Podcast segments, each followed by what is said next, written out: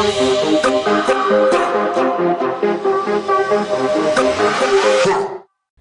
is up? What is up? What is up? Good morning, good afternoon, good evening. Welcome to another episode of Not Yet 20 on Spotify, Anchor, and Google Podcasts, the podcast for Bisaya Pips.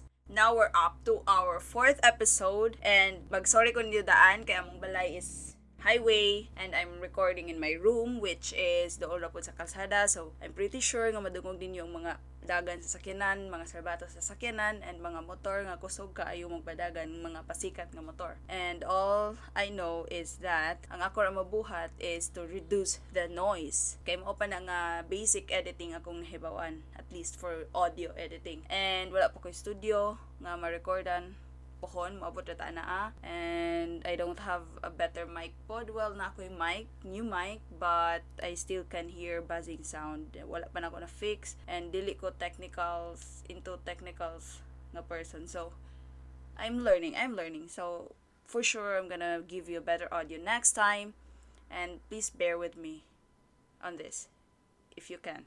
Thank you, and let's start with our fourth episode. So last episode, nag-story ako about waking up at 5 a.m. a.m. a.m. Well, na siya connection in this second episode kay we're gonna be talking about sleep and fitness. Two of my favorites to do gina well aside from kuan kanang first is journaling, second is meditation, third would be that fitness, and fourth would be, you know, sleeping.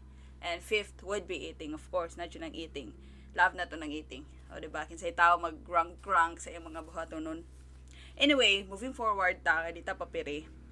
If kailan mo na ako personally or na classmate nako, you know me as the type of student nga sige gyud og katog. Halos kada subject matog or kada change og classroom matog jud ko. Sa asa ko ibutang sa katubangan pa na or malikod or matunga, makilid, matugid ko wa jud magbuot. Samot na og kanang maestra or maestro nga katugon kay naong na samot iglingi nimo dyan in na natog na. Anyway nga nang nagchika ko eh, nga it's supposed to be an intro man not a chika. My god dude! I saw a tweet on Twitter that says when you understand the power of appearance you'll never sleep on your fitness or aesthetics again Again, when you understand the power of appearance, you'll never sleep on your fitness or aesthetics again. That was tweeted by Ed Latimore. And after na ko nakabasa ana, grabe it pushed me nga i-talk jud ni diri for karon nga topic. Even though nana ko kanang nalista nga topic on ta last last week before launching, pero akong gilisan for this. So, murag no worries ra pod kay I think kaya ra po na ko masulti akong gusto ingon with the help of my writing pod kay some of the words nga akong ingon diri are written by Miropod. Kay if I speak my mind, well, the mind is faster than your mouth. So, resulta, dili kaapas akong baba og sulti sa mga unsay naas akong mind. Like, nakasaka nagbukid akong mind, nagkiang-kiang pa akong baba. Sabta na ba? So, I have to write some good pod. I don't know if ako rin na. Back to the topic, mo to, if you love yourself now, how much more if you start working on yourself? How much more, diba, if you start investing time for your fitness, for your eating habits? I started working out because I love my body. I started training because na saying na nothing tastes as good as looking good feels. Diba? I hope that's synced in now. Nothing tastes as good as looking good feels. I hope na pukaw na ka and motivated to start your fitness now. There's more to it, man God. There's more to working out than we can ever imagine. Dili ra na siya puro execution of exercises or para palami lawas. For example, doing a 30 second plank. Na humali mo, you achieve that. Then another 30 seconds na pod for the second set. Then and so on for the third set. If ato na siya it Total, that's 1 minute and 30 seconds of power na. Imagine how much power you give yourself if punan pa nimo og exercises, 'di ba? Now, I want you to listen to this. Imagine nag-workout karon. Maglisod pa kayo kag-achieve sa 30 seconds nga plank. So imo lower down to 20. Then, if sit-ups pod, 5 to 10 repetitions pa imong kaya. Then, if sa burpees pod, 5 pa imong kaya, 5 repetitions. Then, the next day, same exercises, pero you push yourself nga mulabaw sa 20 seconds imong planks. Nga imong sit-ups is from 5 na himo ng 8. Then, sa imong burpees from 5 na himong 6. I-pause ni after I talk about this, ha? I-pause after I talk about this. Inig-pause ni mo, imagine nga you get 1% better sa imong fitness each day. And imagine na nga 50 days na ka-consistent sa imong fitness. Now, you're 50% better than before. You're 50%, I'm sure, stronger, powerful, and confident than you've ever felt before. Now, i-pause, close your eyes, and imagine. Pero bitaw, if wa pa ka na motivate ato, na ako'y nakita sa TikTok nga nag-leave gyud og impact sa akong life until now. Nga if dili ko motivated ang adlaw or if that I'm burnt out, na ako iingon sa akong self. Small things ra good pod. I applied that sa akong fitness journey, sa akong syempre workout workout, sa akong pagka-estudyante, sa akong pagkatao, sa akong pagka-animal. Basta tanan, life overall. It said nga, live for every little things in life. Again, live for every little things in life. Dili jud siya exactly the words, but the thought. Mao iyang thought. Now, how do I apply that? In my starting sa fitness, of course, di pa jud tahanas. Gamayng planks or sit-ups kapuyan ako. 30 seconds ra akong makaya, then maybe 20 to 25 repetitions sa sit-ups. Guro, tas I can't even jump well sa jump rope ha. Like, maglisod jud ko ambak magkasapid-sapid ko, tas kana biyong masapit kay sakit medyo na stiil. Nya masabod na ng murag pisip tao. Tas katawan ko sa akong manghod kay maglugos lagi jud kuno kog ambak. Tas kanang mga calisthenics, mga bodyweight exercises, maglubog na lang ko sa gana kay syempre di patahan na step ta kabuhat og tarong tas sakit nga bugat nga kapoy hago ikaugma pa jud kay pamaulan tas every exercise na jud kay rest in between Like, di ba, 30 seconds ka plank ra. 2 minutes na ako rasa na ah. After, niya, pakapinan pa jurog adobong manok nga hanghang sa akong kuya, gumanok workout.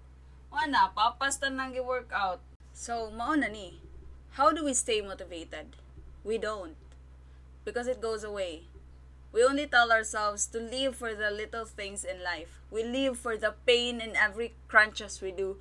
We live for the pamaol ini kabuntag. We live for the singot we live for the kahago nga mo execute sa exercise pero we need to finish it para makahatag ta og small achievement at least for that day sa atong kaugalingon. We live for being disciplined rather than being motivated because nga na jud po dang gitudlo sa life na to. We live for the taste of water every time we wake up in the morning. We live for the productivity working out gives us. We live for the food nga kinahanglan nato i-balance we live for the discomfort, we live for the pain in every workout. That's how we stay disciplined. That's how we do it. That's how we show up. Kahinumdum pa ko, nag-high intensity interval training ko or what they call nga HIIT, like high intensity interval training, H-I-I-T, HIIT workout. Beginner pa ko ato, first few weeks of fitness journey maybe.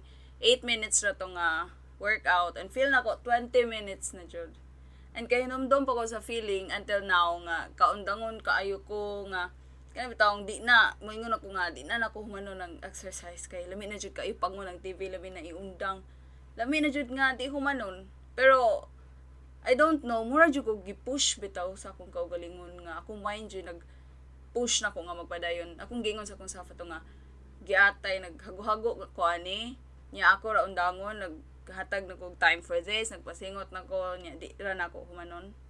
Naghatag na kog time good, na kahinumdum pa ko ha nakita na ko. Nakahinumdum na ko pag kuan na na nakahinumdum ko nakita na ko sa TikTok. Mo to na ko sa akong kaugalingon nga. I live for this pain, I live for this pain, I live for this pain. Ako na siya gi ingon while doing the mountain climbers bitaw balik-balik jud ako na siya gingon hangtod nga nahuman ako. Like nahuman jud ko. Nahuman ako workout 8 minutes nahuman ako. Singot kayo. Then you know like the achievement bitaw after. It was the best good di jud na ako makalimtan. Kay mo jud to timang nag-push jud ako to finish. Until then it remained in my power that's how a one line could change your life or could change how the way you live could change your perspective. So, every time you you read or you learn a line, apply that into your life. You don't know how a one line could change your life. I'm not an expert, of course. I'm also not that toned yet. I still have things to work on, I know. But I can say nga I'm fit and I eat healthy and balanced meal. I sleep 7 to 8 hours a day. I aim for a good quality of sleep because I love sleeping as I've said sa intro. And fitness or working out is already part of my lifestyle. So it's non-negotiable ever. I value my appearance, I value myself, and I stay active because health is simply wealth. Now, I'm also saying this to hold myself accountable pod kay I sometimes overwork myself that it may turn out nga ma-burnout ko at the end of the day or at the end of the week. So, today, I'm burnt out and this is my way of getting myself back on track by, you know, mo- motivating myself by motivating someone. If nagets ni mo akong point. I hope so, nagets ni mo. Now, I want you to work out karon dayon if you have the time. Or ugma, buntag man or hapon or gabi. Basta hinumdumi lang, the best time to work out is the time when you started. It doesn't matter if buntag ba na or gabi, basta you started doing it, that's the best time. Show up, get on that mat, and start. Marjo na, una-una lang mag-workout ka not because you have to, but because na kay chance nga maka-workout. Na kay chance to work and love yourself. Na kay chance to take care of the body nga gihatag sa Ginoo. You know, we take care of our environment so much that we forget to take care of the one who lives in it. It's not saying nga dito mag care sa environment. It's simply saying nga we cannot we cannot help something or someone if we don't help ourselves. Now, talking about sleeping or staying active, I choose both.